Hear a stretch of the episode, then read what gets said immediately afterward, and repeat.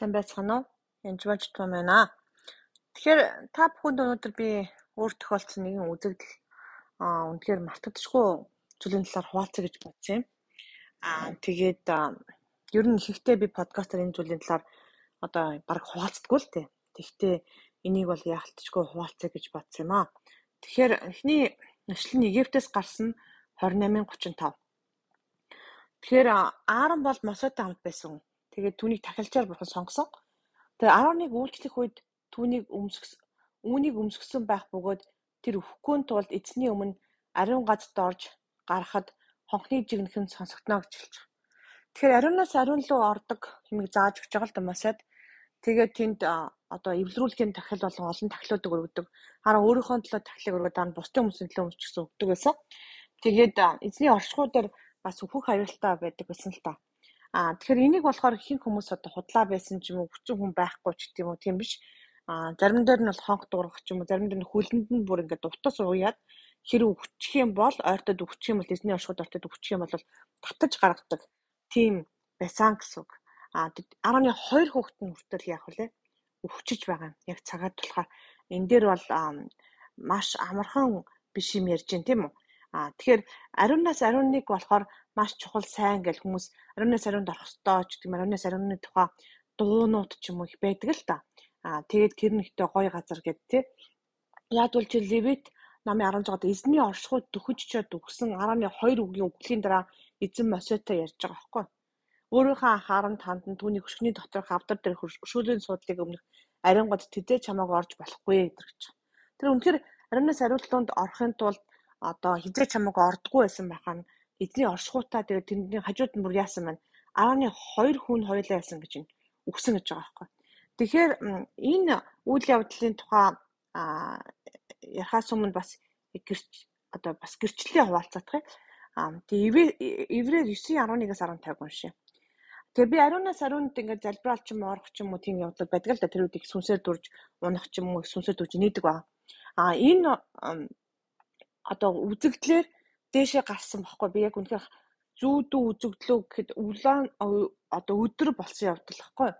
Тэгээд ингээд яг тахлын ширний өмнө би очисон байдаг.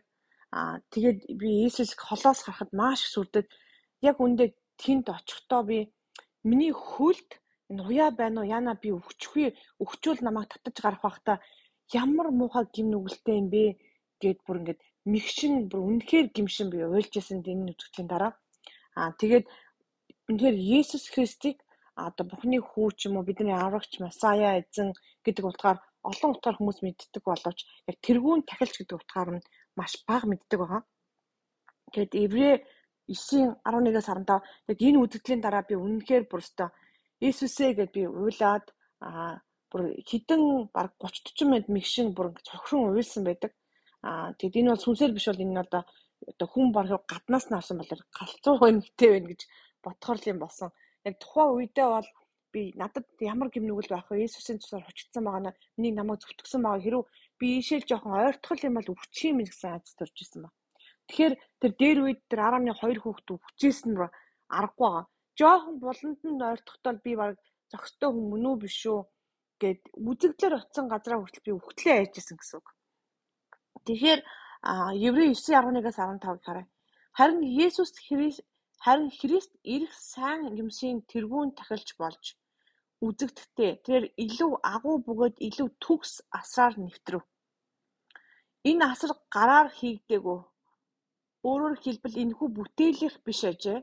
Тэр ямаа болоод туглын тусаар бус харин мөнхийн золилтыг агуулan өөрийнхөө цаар ариун газарт нэг удаа бүгдийн төлөө орсон. Учир нь хэрэв махан биеийг цэвэршүүлэхийн тулд Бузардсан хүмүүсийн дээр ямаа болоод бухын цус охин брууны үнсийг цацаж ариусгадаг юм бол тэг тусмаа мөнх сүнсээр гэмгүй өөрийгөө бурханд өргөсөн Христийн цус нь биднийг мэс чанарыг өгсөн үйлсээс цэвэрлэн амьд бурханд үйлчлүүлнэ шүү дээ гэж байгаа. Тэгэхээр нэгсэндөө турганы цусаар өөрөө тахиллуулаад өөрөө тэргүүн тахилчаар яг тэр ариунаас ариун руу ороход хүний гараар хийдэг газар ороход сүнсээр үнэхээр гим зэмгүй болохоор бидний бүх мэс яасан байна мөч чанарыг өгсөн үлээс цэвэрлж байгаа. Тэгэд аймт бурханд үйлчлүүлнэ шүү дээ гэж байгаа. Тийм учраас тэрээр шинэ гэрээний зууч мөн. Энэ нь анхны гэрээн дор үлдсэн гин бурууг золихын төлөө үхэж дуудагдсан хүмүүст мөнх өвийн амлалтыг хүлээн авахын тулд болоо гэж. Тэгэхээр а үнэхээр Иесус Христийн цаар бид нар цэвэрлэгддэг. А тэрээс гадна тэр гэрээний зууч буюу тэргүүн тахилж байгаа өөрөө орж бидний өмнөөс тэр гмийг зуучилсан гэсэн үг байхгүй.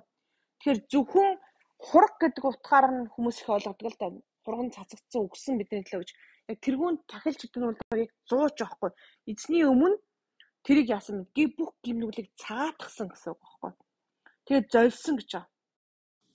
Тэгэхээр цагаатах нь золино буюу тэргүүн тахилч гэдэг нь өөрөө маш үнцэнтэй зүйл байгаа байхгүй. Тэгээд зогсохгүй өвийн амлалтыг нэгсэндээ дуудагдсан хүмүүст мөнх өвийн амлалтыг хүлээн авахуулахын тулд энэ бүх зүйлийг хийсэн гэсэн үг. Тэгэхээр зөвхөн хурганы цар хучаад одоо зөвтгөдөө зогсохгүй тэр өөрөө биднийг зуучилж эзний мөн зөвтгсөн гэсэн үг. Тэгээ өөрөө тэрүүн тахилж бач ариунаас ариун руу тэгтээ цорын ганц зөвхөн нэг удаа орсон гэсэн. Тэгээ бид гин нүглийн төлөө дахин дахил өргөх хэрэггүй болсон гэсэн.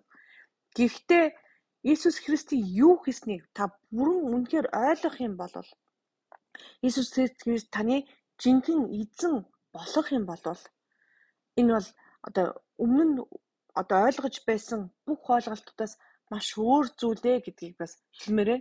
Тэгэд одон олон давхртай юм шиг та эзэн Иесус Христийг одоо бүх мөн чанараар нь таниасаа гэж таныг хүсэж байна. Тэгээд үнэхээр эзнийг олон нэрийг та мэдгтэн Иесусийн нэрээр